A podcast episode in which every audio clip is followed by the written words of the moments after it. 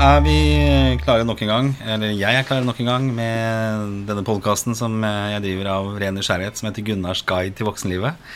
Eh, og det er egentlig rett og slett bare å invitere folk jeg syns er interessante. Og noen kjenner jeg fra før av, og eh, noen kjenner jeg ikke fra før av. Eh, og i dette tilfellet så er det definitivt en kar jeg kjenner fra før av. Eh, velkommen, Steinar Korsmo. Steinar Hoel Korsmo. Tusen hjertelig takk, Gunnar. Kjempehyggelig å være på besøk hos deg. Ja, vet du hva, det var kjempehyggelig. Og grunnen til at jeg har invitert deg, da det, vi, Altså, vi har jo en ganske lang historikk. Du er egentlig en del av årsaken til at jeg sitter her i dag faktisk og driver med det man kan kalle lyd og, og radio. For det vi i, For mange, mange mange år siden så drev vi med radio oppe på Romerike. Eh, en radiostasjon som het eh, Nero Pluss. Eh, vi var ganske tidlig ute med litt sånn formatert radio, dataavvikling. Eh, selv om vi holdt til i strømmen, eh, som kanskje ikke er metropolen, så Men allerede da så var vi jo på en måte game changers, Gunnar. Ja, det var det, altså. det var Fordi det. det du snakker om nå, er jo faktisk eh, Nero Pluss, som etter hvert eh, ble hetende Power FM. ja, stemmer det. Eh, Det var jo faktisk Norges første gjennomformaterte lokalradiostasjon. Og Ja. ikke bare det. Det var jo også den første i Norge som hadde full harddisk-avvikling. Ja, ja. Så all musikken lå på harddisk.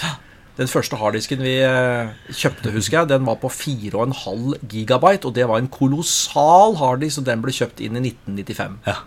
Og det er eh, bare en promille av det du har på en vanlig telefon i dag.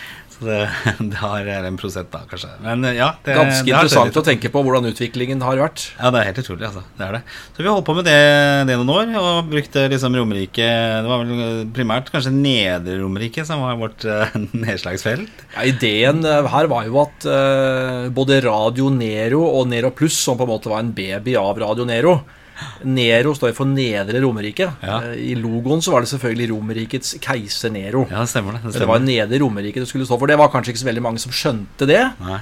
Men eh, det ble jo faktisk eh, ganske store radiostasjoner i lyttertall, sånn i norsk målestokk, ut av det vi holdt på det, med. det den var jo det. Og det var vel altså, Radio Nero var vel i utgangspunktet en litt sånn avart av Unge Høyre i sin tid, var det ikke det? Stemmer ikke det? Ja, det her har jo noe å gjøre med 80-tallet og frislippet av eh, media. Ja, ja. fra Willoch-regjeringen og høyrebølgen og alt det der sånn. Ja.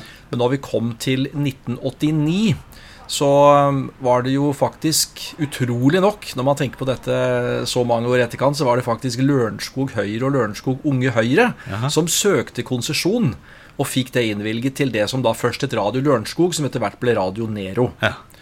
Og, eh, men Høyre skjønte jo ganske tidlig at dette her var jo ikke noe man kunne drive, fordi eh, det var jo pengesluk. Ja, ja. Sånn at etter hvert så var det kommersielle interesser som overtok.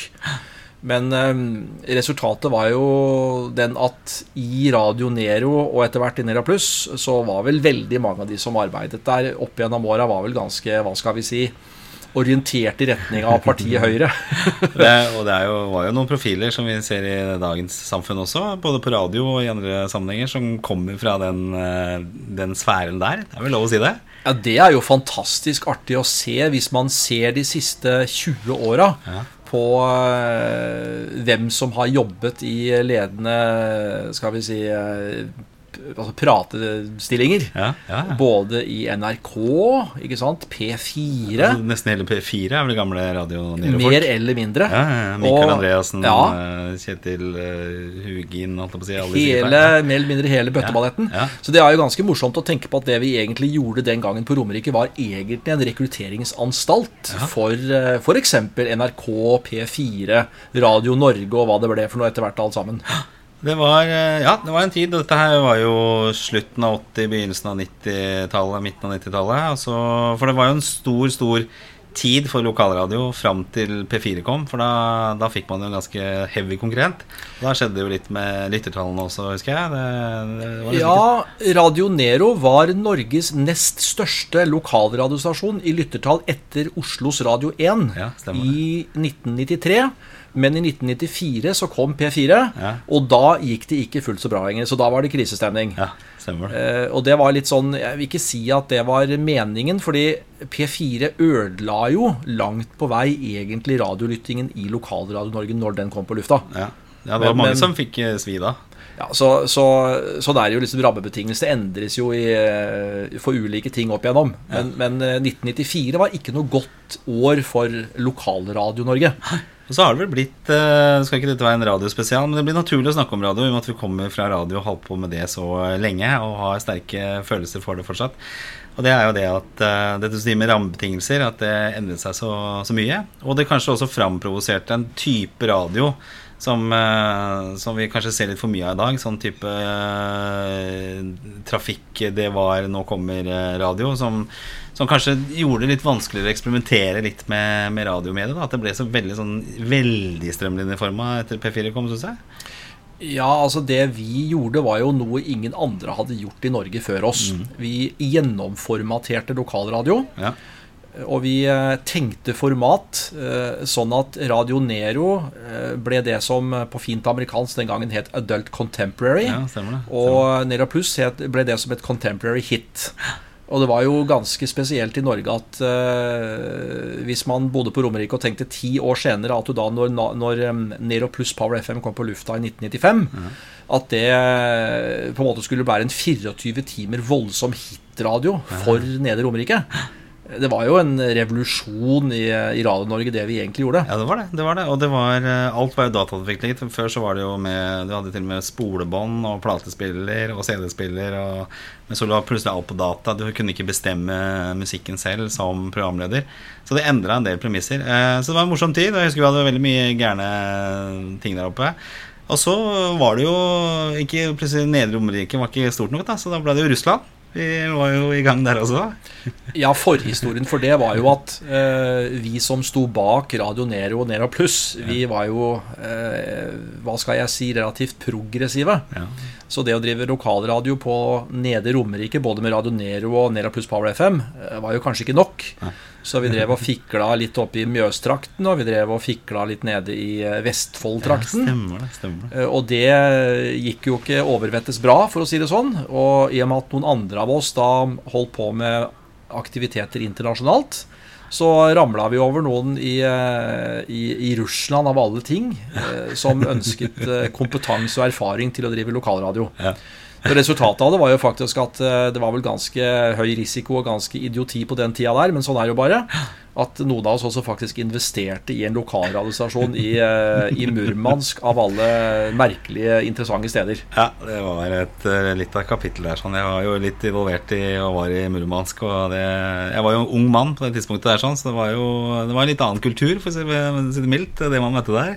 Men det var jo utrolig morsomt eh, å, å liksom kunne være med på det eventyret der. Men det var vel ikke sånn helt si, strømlinjeforma etablere seg i det russiske markedet i 19, 1994? 95? ja, det var jo uh, mer problemer enn man kunne drømt om, uh, for å si det mildt. Jeg tror kanskje det i seg selv er verdt en egen podkast, bare den etableringen i Murmansk, for å si det mildt. Det kan vi snakke om i timevis. Men, men um, for å gjøre en lang historie kort, uh, det ble etter hvert to etableringer, faktisk, ja. i Murmansk. En som kom i 1995. Ja. av slutten av 1995, som ble åpnet med brask og bram av en stor delegasjon fra Norge, flydd opp i en egen uh, flight. Den tiden var det Bråten Safe ja, som fløy til Murmansk. Ja. Vi hadde med oss kommersiell direktør i Bråten, det var ikke grenser. Ordfører og det ene med det andre. Ja. Den turen var jeg på. Ja, ja, ja, ikke sant. Det var jo en uh, fantastisk Alex Rosén var jo uh, på en måte Ja, skal vi si delegation ja, manager for den turen der, så det var fantastisk gøy. Men, men um, uh, det ble jo en av de større hva skal vi kalle det for hostile takeovers mm. ut av det. Ja. Vi kjenner jo historien rundt Bjørn-gruppen og andre. Denne historien er egentlig ganske ukjent, fordi ingen av oss egentlig har snakket så mye om det. Vi har valgt å ikke snakke om det. Ja. Fordi, og grunnen til det var jo fordi at vi eh, fant oss andre partnere. Eh, eller vil si noen av de ansatte i stasjonen ble våre partnere fra den første etableringen. Ja. Og det ble en reetablering eh, av det som fortsatt er på lufta i dag, som ja. heter Power Hit Radio. Eh, for, med konsesjon for um, for eh, den nordre delen av Murmansk fylke, som er Kolahalvøya. Ja. Eh, og det, det, var i 1998. Ja. Det er en vanvittig historie. Altså, det jeg kanskje husker best, at vi hadde jo med oss TV2 også. Eller en kameramann fra TV2 på den turen. Og han Ja. husker jeg sto og filma nede på kaianlegget i Murmansk med det svære kameraet sitt. Eh, og det syns jo ikke de russiske vaktene var spesielt eh, Så han ble jo lagt i bakken der, husker jeg. Det er en historie som jeg eh, ikke nødvendigvis husker, men, men eh, vår gode venn i TV 2, eh, som eh, vi eh, for, som fortsatt har meget god kontakt med, for å si det sånn Ja, ja, ja. eh, Jeg tror nok at det også var en tur som disse to fra TV 2 syns Jeg tror de husker den turen fortsatt, for å si det sånn. Jeg tror det er ingen som var med på den turen, som ikke husker den turen der. Det, Ja. Så det, det var en eh, opplevelse. Det var det. Eh, og det er gøy å vite at den fortsatt er der. Eh, jeg husker annet dette med at man skulle ha selge radioreklame, var jo planen der eh, oppe. Men det var jo ikke noe spesielt med næringsliv å selge til. Det var vel en pizzasjappe, var det ikke det? Og så et slags kjøpesenter, eh, mener jeg husker, i Murmansk der. Som var mer sånn boder i flere etasjer i en sånn grått bygg. Nå, er jo, nå var jo dette her Vi snakker altså om 19, slutten av eh, 90-tallet. Ja, Og eh, jeg har hatt gleden av å være ganske mange ganger i Murmansk siden det. ja, Eh, Mitt, mitt, mitt forrige besøk til Murmansk var i fjor. ja. Og det er klart at en by som Murmansk har utviklet seg som eh, mange andre byer i eh, den delen av verden ganske kraftig i løpet av de eh, 20 åra som har gått. ja er såpass. eh, Det er over 20 år, faktisk. Ja, jeg eh, var også deltaker på 20-årsfesten i fjor, faktisk. Oi. eh, For Power Hit Radio. Var det det? Eh, ja, eh, så det var en ganske spesiell opplevelse. Det er ganske artig at eh, de, altså noen av de medarbeiderne som vi hadde i 1998, de er fortsatt knyttet eh, til radioen. Er det? Shit, Eh, altså. selvfølgelig er jo de blitt 20 år eldre, de fleste av dem, så et par av dem er vel til og med pensjonert. Oi. Men daglig leder, Dmitrij Ja. Borovkov, eh, fra 1998, som jeg tilsatte den gangen, han var veldig ung, han var vel 21, Ja. han er fortsatt eh, daglig leder for stasjonen i, altså nå, nå. Shit, altså. Ja, nei, det, var- det, var, en fantastisk opplevelse. Morsomt å høre at det, det fortsatt er der. Eh, og det, var jo på en måte siste gang vi, eh, vi Jeg husker vi var jo blant annet Vi var jo i, i Moskva eh, på en tur også, eh, som var utrolig. Og jeg har jo tenkt mange ganger at jeg gjerne vil tilbake til Russland, for det er jo et utrolig flott land. Eh, russerne var veldig hyggelige folk også. Du får et litt sånn forvrengt bilde kanskje i Vesten av russere og liksom i media. Men det er jo veldig hyggelige folk. Jeg liker, liker eh, Og Murmansk var jo veldig spesielt, selv om det var på en måte grått og trist. Det var akkurat sånn jeg tenkte Murmansk skulle være, og kanskje verre når vi landa der. Husker Vi landa på den flyplassen som var sånn vaskebrett av en rullebane. Så bare Og så husker vi gikk ut av flyet. Det var helt mørkt rundt den flyplassen. En fæl, skranglete buss. Og så kjørte vi av gårde mot Murmansk. Eh, og gjennom sånne små sånn cowboybyer hvor det var noen fulle russere som velta ut i gata. Og så var det helt mørkt igjen, og så kom eh, Murmansk. Skulle på en måte henge ut eh, Stovner og liksom eh, disse, disse bydelene. Men det, det var liksom en sånn grå masse av sånne høyblokker som velta seg fram. da Men så når vi først ble, jeg da ble kjent med disse russerne, så var det utrolig hyggelig. Det er jo stor forskjell på kultur og politikk. Ja, det er det. Og det er klart at eh, for oss som da har jobbet med prosjekter i Russland Jeg har jo vært engasjert i prosjekter i Russland siden eh, oppbruddet av Sovjetunionen. Ja. Eh, faktisk eh, året før, fra 1991. Og fortsatt med prosjekter i Russland, og enda større aktivitet i f.eks. Russland enn når vi hadde radiostasjon. Det var jo bare ett av en rekke andre prosjekter også. Ja, ja. Så, eh, så er det jo ganske fantastisk å forstå kulturen fra den delen av verden. Som er ganske lik både i eh, Russland og Ukraina og skal vi si, store deler av det sovjetiske, eller tidligere sovjetiske området. Da, Ja, ja. Nei, det er fascinerende land. Det er, eh, det er gøy. Men eh, nå er det jo Ja, Du sier jo annet at du jobber litt i Russland, men du jobber jo egentlig hele verden. Altså Det jeg tenkte vi skulle snakke om, er jo det du holder på med i dag. eh, nemlig Seed Forum. For eh, Vi er jo selvfølgelig venner på sosiale medier, og du er jo en fyr som reiser utrolig mye rundt i verden her. Eh, kan du fortelle litt om, om Seed Forum? Hva, det, hva er det? Hva gjør dere? Ja, jeg brukte jo um, eh, 15 år av livet på å um, være gründer. Ja, ja. Eh, sånn, ja, cirka fra eh, slutten av 80-tallet og fram til sånn cirka 2000. Og eh, startet vel til sammen 17 startups i løpet av de årene. og Noen gikk selvfølgelig fryktelig bra, noen gikk overhodet ikke bra i det hele tatt. Sånn er det jo. Ja. Men så eh, har jeg vært aktiv i forbindelse med etableringen av en eh, internasjonal organisasjon mm. som så på fint norsk heter Innovation Support Organization, som i dag er Seed-forum. Som ble startet på Kjeller i, eh, egentlig som en spin-off fra da het det Campus Kjeller, nå heter det Kjeller Innovasjon, Ja. i 2000. eh, hvor vi eh, bygget innovasjonssystemet i eh, skal vi si, Kjeller Research Area. Da, ikke sant? For på en måte å skape innovasjon og entreprenørskap ut av forskningsinstituttene på Kjeller. Og SID-forum har vokst i dag til å bli en eh, Til å bli en ja, jeg vil si forbi internasjonal, kanskje global organisasjon. Ja. eh, Med aktiviteter i eh, litt mer enn 50 land worldwide.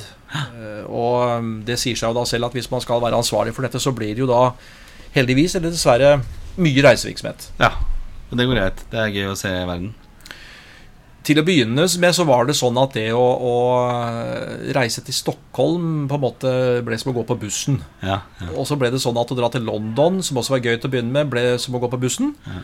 Og så etter hvert så ble det jo også sånn at long haul-reiser, sånn som til Asia og Afrika og USA og Sør-Amerika, også ble som å gå på bussen. ja.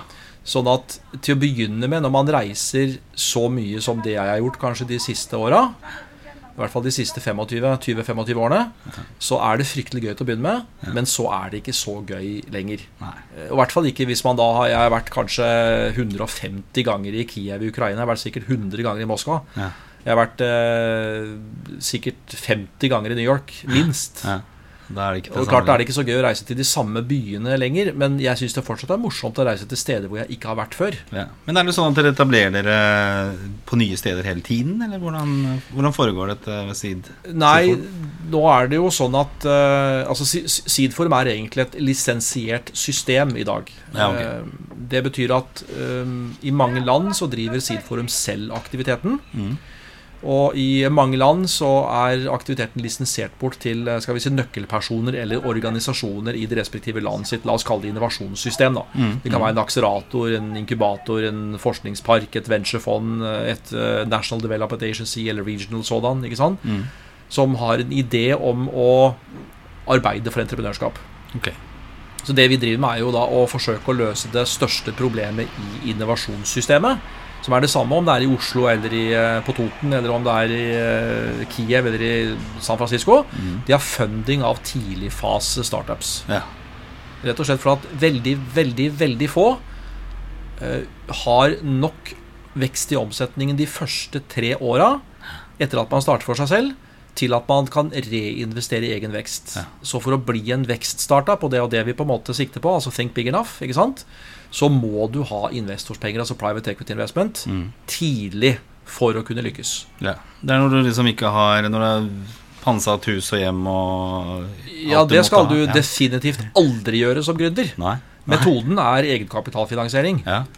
Ikke bruke egne penger. Nei, eh, jo, det skal du gjøre i form av f.eks. timer, og har du eh, holdt på å si penger i banken, altså kontanter, så skal du selvfølgelig kunne investere det. Men du skal aldri løpe den risikoen at du skal eh, overspille med å pantsette hus og hjem og garasje og la det gå utover familie osv. Det skal man aldri gjøre. Nei. Men det, det jeg, Noen kjenner jo en del som driver med startup, og de sier jo det at det ofte er vanskeligere å få inn de små beløpene enn disse store investeringene. At det er ofte der det, der det er litt vanskeligere.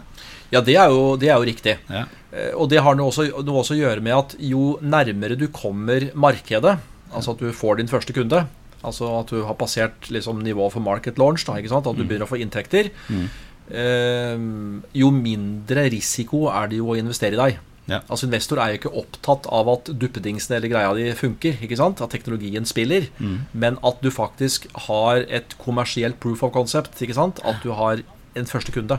Ja. At noen har sagt at det du har, er så bra at jeg faktisk vil kjøpe det og bruke penger på det. Ja. Og i, altså utfordringene er mye større i produkt- eller tjenesteutviklingsfasen, altså fram til du kommer til markedslansering, Mm. enn etterpå. Ja.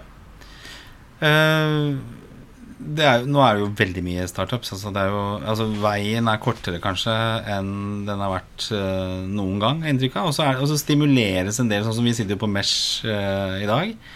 Og det er jo et sted for stort sett veldig mye startups-bedrifter. Det dukker opp en del, i hvert fall i det norske markedet, da, sikkert også internasjonalt. Altså steder som på en måte stimulerer eh, gründerbedrifter til å trekke veksler på andre.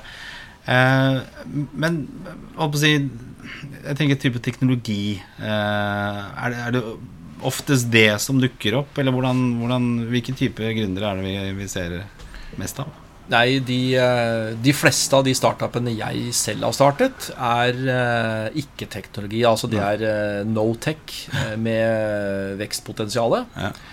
Og om det er tech eller ikke tech, så kan du si at hvis vi da sier at det største problemet er funding av tidligfase startups, ikke sant? Ja, ja. så er det nest største problemet, altså nummer to, det er jo at gründeren tenker stort nok.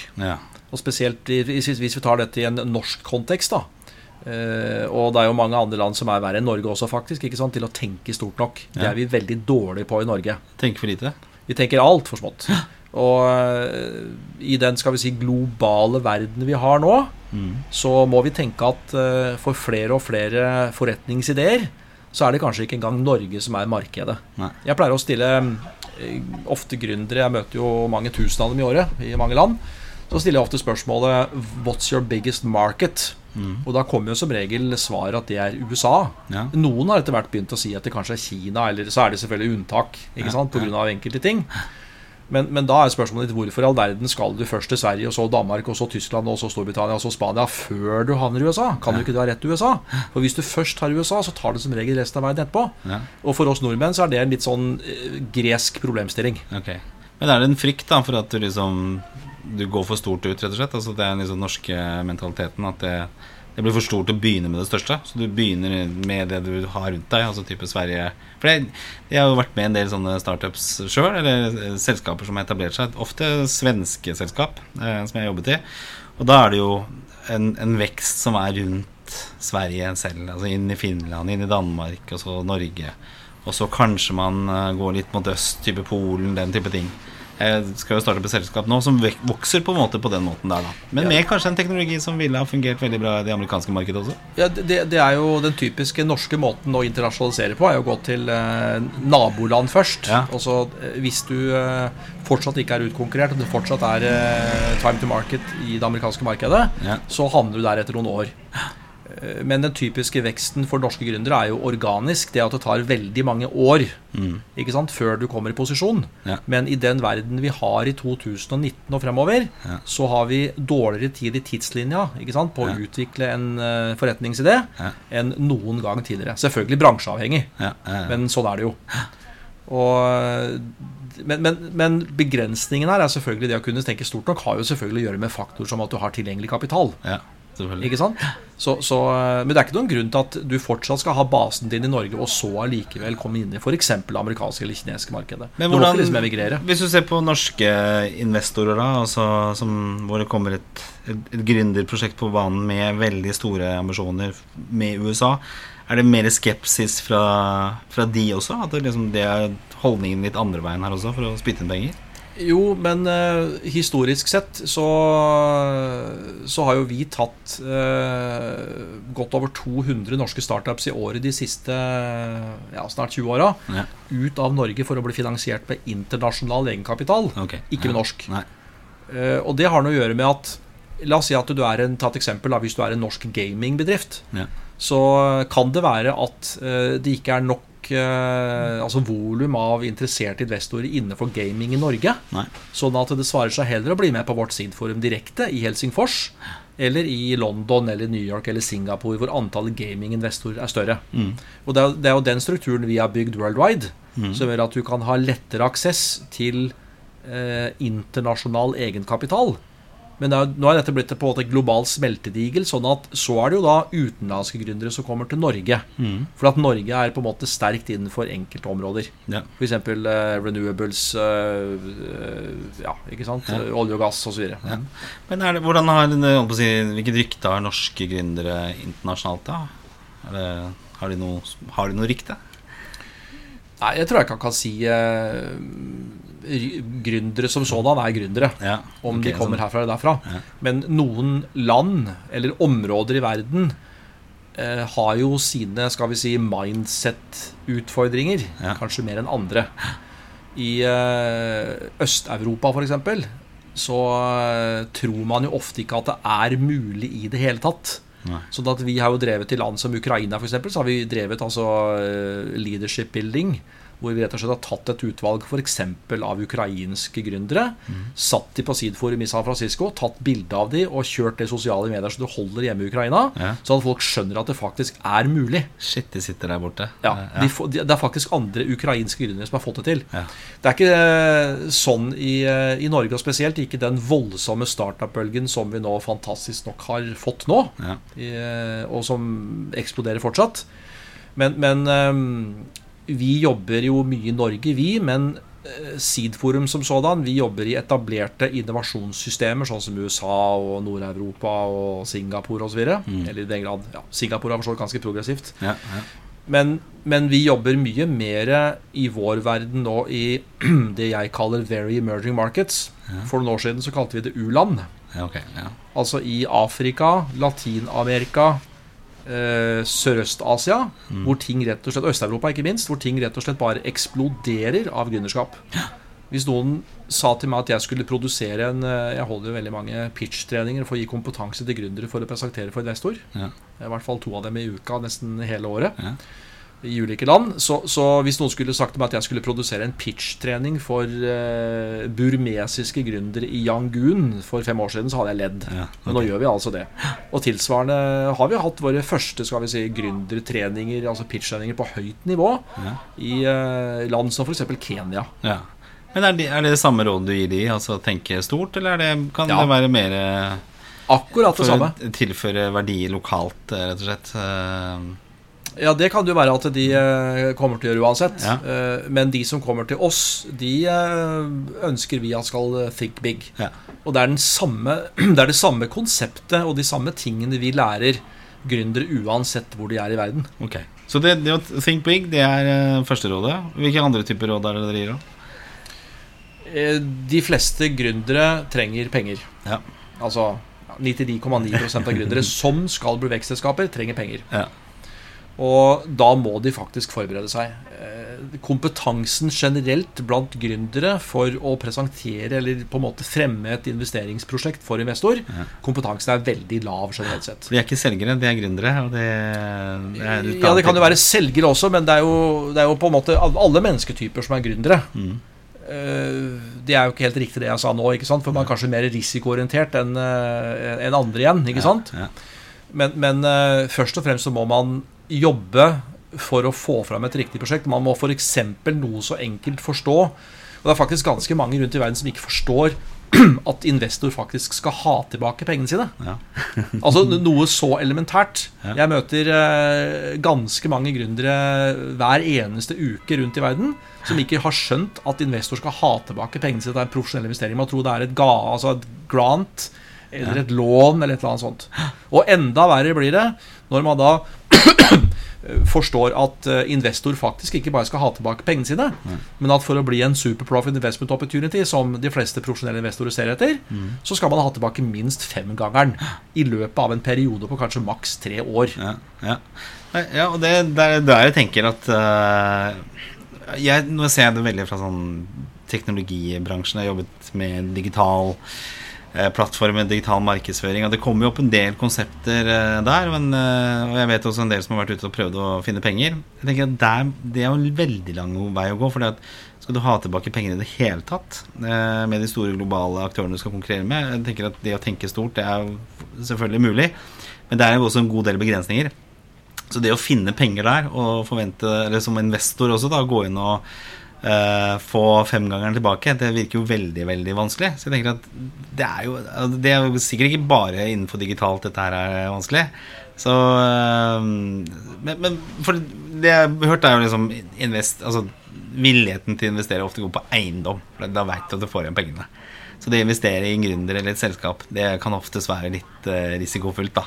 Hvis du da skal forvente å få igjen pengene og femgangeren igjen, så er det jo en del ting som skal på plass her. Det kan jo ikke være så mange sånne prosjekter som går gjennom det nåløyet, tenker jeg, sånn eh, totalt sett.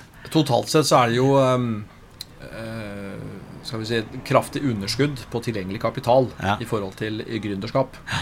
Heldigvis er vi i en situasjon worldwide nå hvor uh, familiepenger, altså family offices, Ja.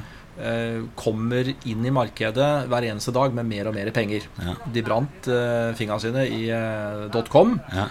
Og så investerte de i skyskrapere på Manhattan og alt mulig annet rart. Ja. Eh, med, med lav risiko i alle år, men nå er det fra to-tre år tilbake Så er det på kraftig vei tilbake i venturekapital. ja, ok. Ja. Så det er liksom the good news. Ja. Men, men eh, så er det jo også sånn at det, vi er tilbake der at skal du på en måte lykkes, så må du gjøre en jobb. Mm. Ikke sant? Du må eh, for det første ha en grunnleggende forretningsplan. Og på toppen av den så må du lage en pitch. Ikke sant? Det er jo det vi driver med hos oss i Seedforum. Til investor.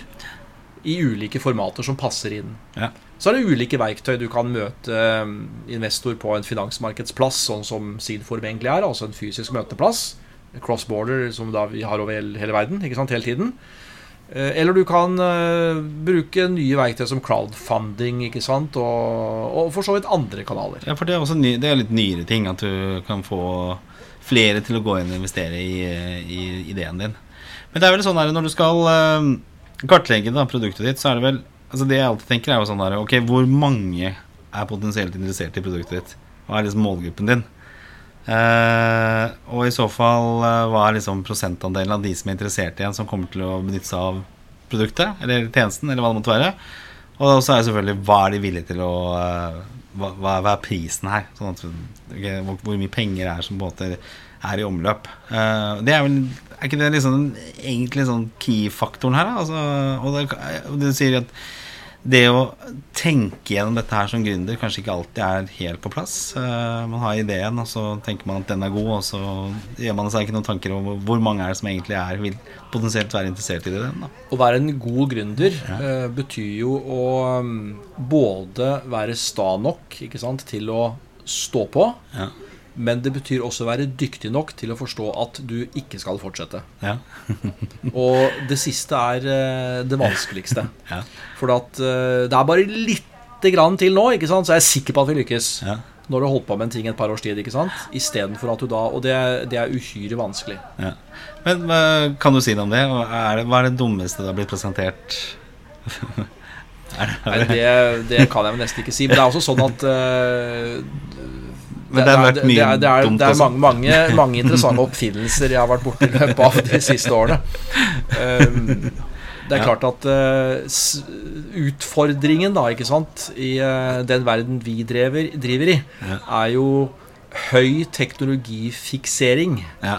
Altså uh, istedenfor kommersiell skal vi si, kompetanse i et gründerteam. Ja.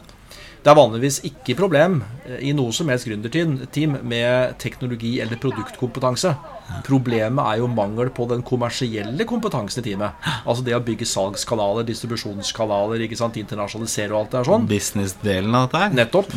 Ofte så er jo den den vanskeligste, og kanskje den som er mest hva heter det, far out for, eh, for den kreative. da altså, Jeg har jo snakket med andre uh, gründer hvor det er på en måte gründerpar, da, eller folk, en, en liten gruppe hvor du på en måte de har, de har fordelt disse oppgavene på en veldig fin måte. At de liksom har funnet sant, visjonæren, den som på en måte vil sprenge grenser.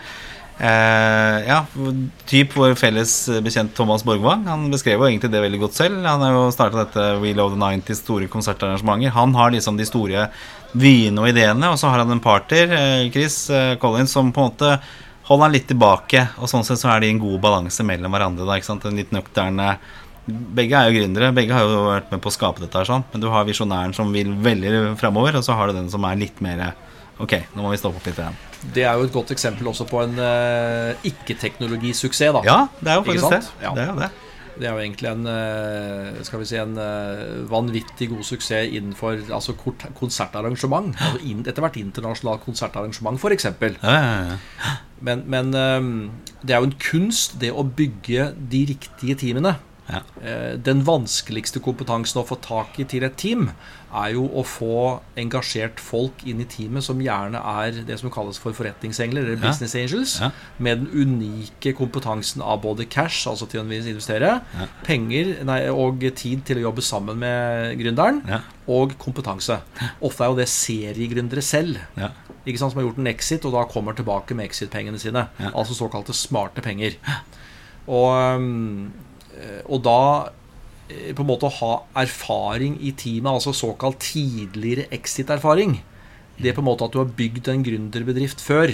Ja. Og har du solgt ut den gründerbedriften og tjent penger på det, altså gjort en exit, og så skal du bruke den erfaringen igjen. Ja. Det er kanskje den viktigste kompetansen som mange investorer, f.eks. jeg selv som investor, Ja. ser etter i et gründerteam. Ja.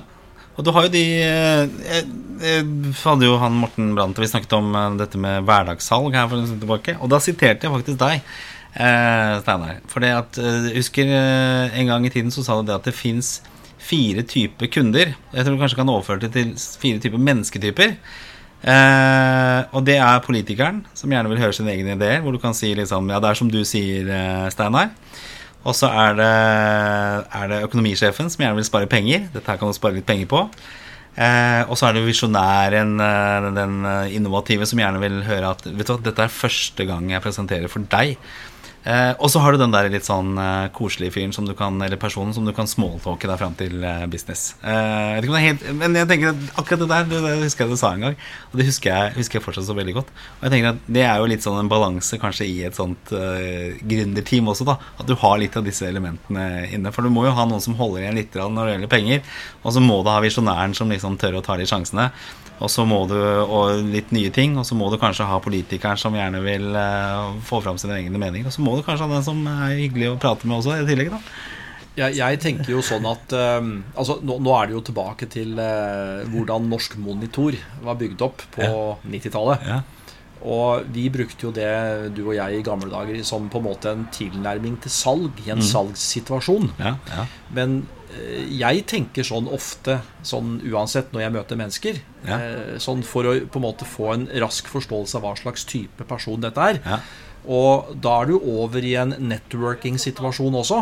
Ja. For så har vi et seed-forum hvor du presenterer eller pitcher, da, ikke sant? Ja. og så er du en networking-sesjon etterpå.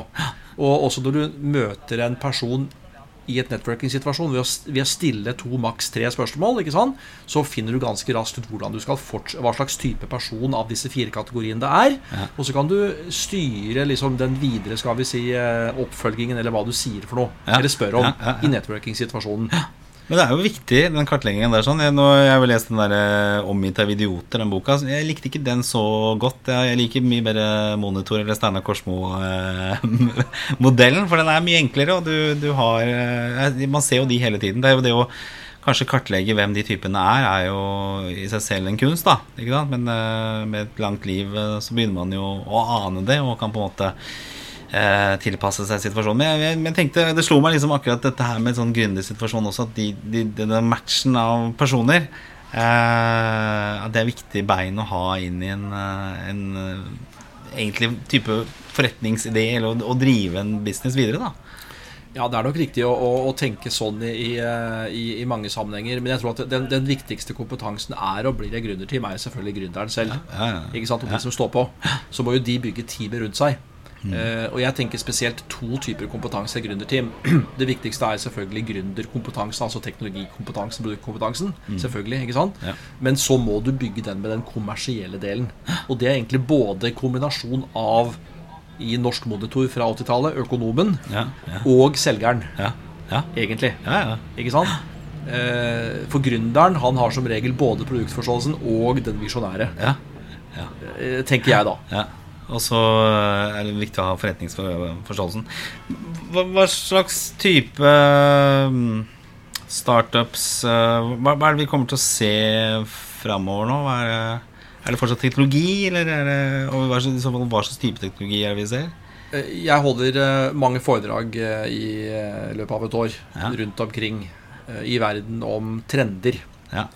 Og vi er vel kanskje de skal vi si, eh, noen av de fremste som ser hva som rører seg, fordi at vi beveger oss veldig mye hele tiden Ja. i de skal vi si, viktige innovasjonsmiljøene vi har, både i etablerte markeder, som f.eks. i Bay Area og Silicon Valley, ikke sant? Ja. San Francisco. Ja. Eh, Men vi er også i Nairobi, ikke sant? Mm. Ja. Det er eh, interessant å se hvordan en trend historisk sett, som f.eks. downloads ringtones, ikke sant? Ja. først kom i Norge, så kom den i Storbritannia året etter, og så kom den to år etter på USA. Ja. Sånn er jo ikke verden lenger. Nei. Ikke sant? Nei. Så nå er det jo en eh, Jeg tenker at med finanskrisen som kom i 2008, var det vel, Mm. så tenker jeg at det var den Da vi egentlig kunne si at vi hadde en global verden Mm. etter den. For det var da på en måte finanssystemene i verden rundt omkring brøt sammen. Ja. Langt på vei. Ja. At det ble en liksom global finanskrise.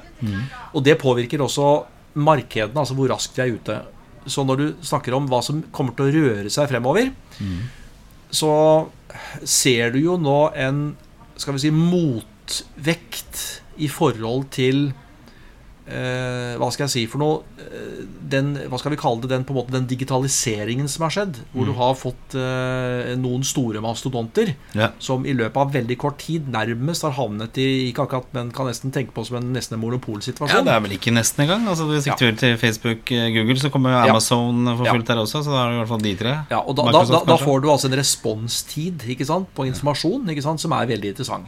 Og du får du GDPR og alt dette her som på en måte kommer som en motvekt mot det. ikke sant? Mm, Og jeg tror at det der er ganske interessant å, eh, å, å følge med i. Ja. Og jeg tror også at det kan være noe her for, eh, altså innenfor innovasjon, ikke sant, entreprenørskap. Ja. Så tror jeg at det skjer eh, Jeg tror at romteknologi eh, kommer ganske kraftig i årene som kommer. Altså helt ned på startup-nivå. Ja. Nå er det også sånn at i forhold til Spacetech så er det egentlig informasjonsflyten fra rommet som gjør at vi kan utnytte det til nye ideer på jorda. Ja. Langt på vei. Ja. Men så ser du også etableringer hvor man også skyter opp eh, effektivt og billigere og alt mulig eh, enn før. ikke sant? Som gjør at du også på en måte kan få startupene inn i selve liksom, romindustrien. ja, okay. Det tror jeg kan være veldig interessant. Ja. Og så eh, tror jeg også at det er innenfor AI, altså robotifisering Mm. Eh, Dette med AR er jo en del av det, og VR og sånne ting. Det er liksom sånn som eh, Men, men selve AI-problemstillingen Mm. Jeg sier problemstillingen, for det er ikke uproblematisk. Nei.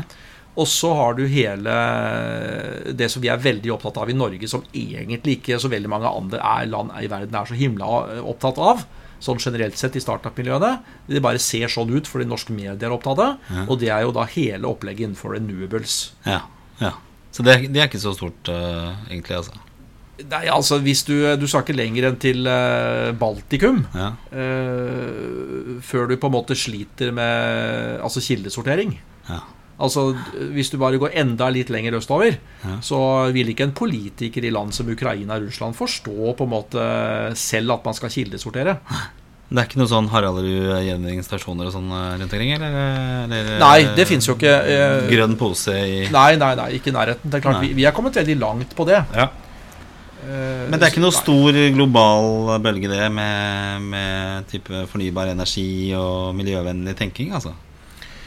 Jo, du har jo bevegelser som, Ja. som uh, Lotta Thunberg og alt dette her, ikke Ja, sant? ja. Men, men, men det er ehm, Det er et stykke fram, tror jeg, på en måte før det igjen reflekteres kraftig i liksom startup-miljøene. da Ja, det er men, men nå er det, dette er jo min oppfatning. Ja, det er, jeg, jeg kan jo være enig med deg. For jeg, jeg tenker at det er, litt, det er jo litt vanskelig også, fordi at disse spørsmålene er så store. Eh, ikke sant? Det er vanskelig å gå inn på makro, nei, mikronivå og så gjøre noe. Ikke sant? Vi har jo noen her på huset som eh, Dette med klimakvoter. Altså Når du er ute og flyr og du skal kjøpe deg klimakvoter, og sånne ting så er det en del morsomme, spennende ideer her sånn, som på en måte kanskje ikke er med på å løfte eller bidra så veldig mye. da Eh, og så tenker jeg at I Norge har vi kanskje vært flinke på dette her med å gi noen gulrøtter i forhold til ja, type elektrisk bil. Altså er det jo masse spørsmål om det egentlig er så veldig miljøvennlig også.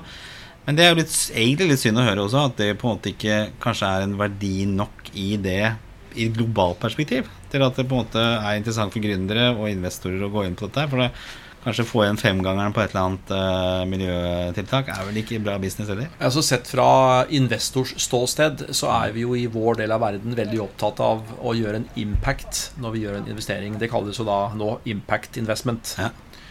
Det hører vi om veldig mye i etablerte deler av verden, f.eks. her, og ikke minst Sverige og Finland. Ja. Eh, selvfølgelig også andre land, men mindre. Eh, I eh, Baltikum så begynner man å prate litt om det, sånn som i Estland så er det liksom begynt å bli inn. Ja. Eh, også litt i USA, selvfølgelig. Men, men det er liksom den her delen av verden som gjør at vi har eh, Hva skal jeg si for noe samfunn, velferdssamfunn, som er kommet så langt at vi kan tenke det. Mm.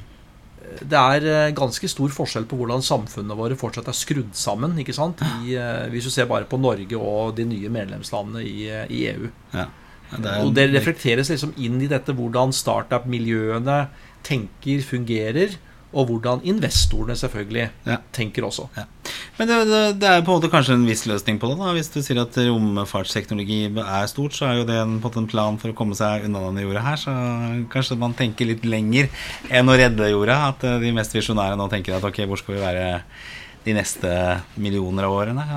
For min del mars, så har ikke jeg tenkt å bruke hele min formue som eh, å bruke opp den på en 20 minutters romferd eh, med, med Branson, for å si det sånn. Nei, det, det, men på et eller annet tidspunkt så blir det vel mer tilgjengelig for alle, og da kan det være at du ja, til en mindre penge da, kan ta deg en tur opp i verdensrommet.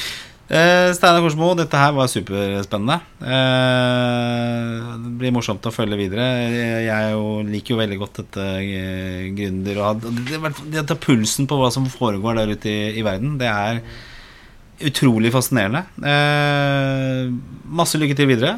Eh, og radiodelen som vi starta med, den ble kanskje litt sånn intern for, eh, for oss og en del for, som jeg vet kanskje kommer til å høre på denne podkasten her, men det var også en veldig morsom tid, og det var også en gründer, gründertid, for å si det på den måten her. Eh, Steinar, eh, hyggelig å se deg igjen. Hyggelig at du kom her, og masse lykke til videre. Tusen takk. Tusen takk.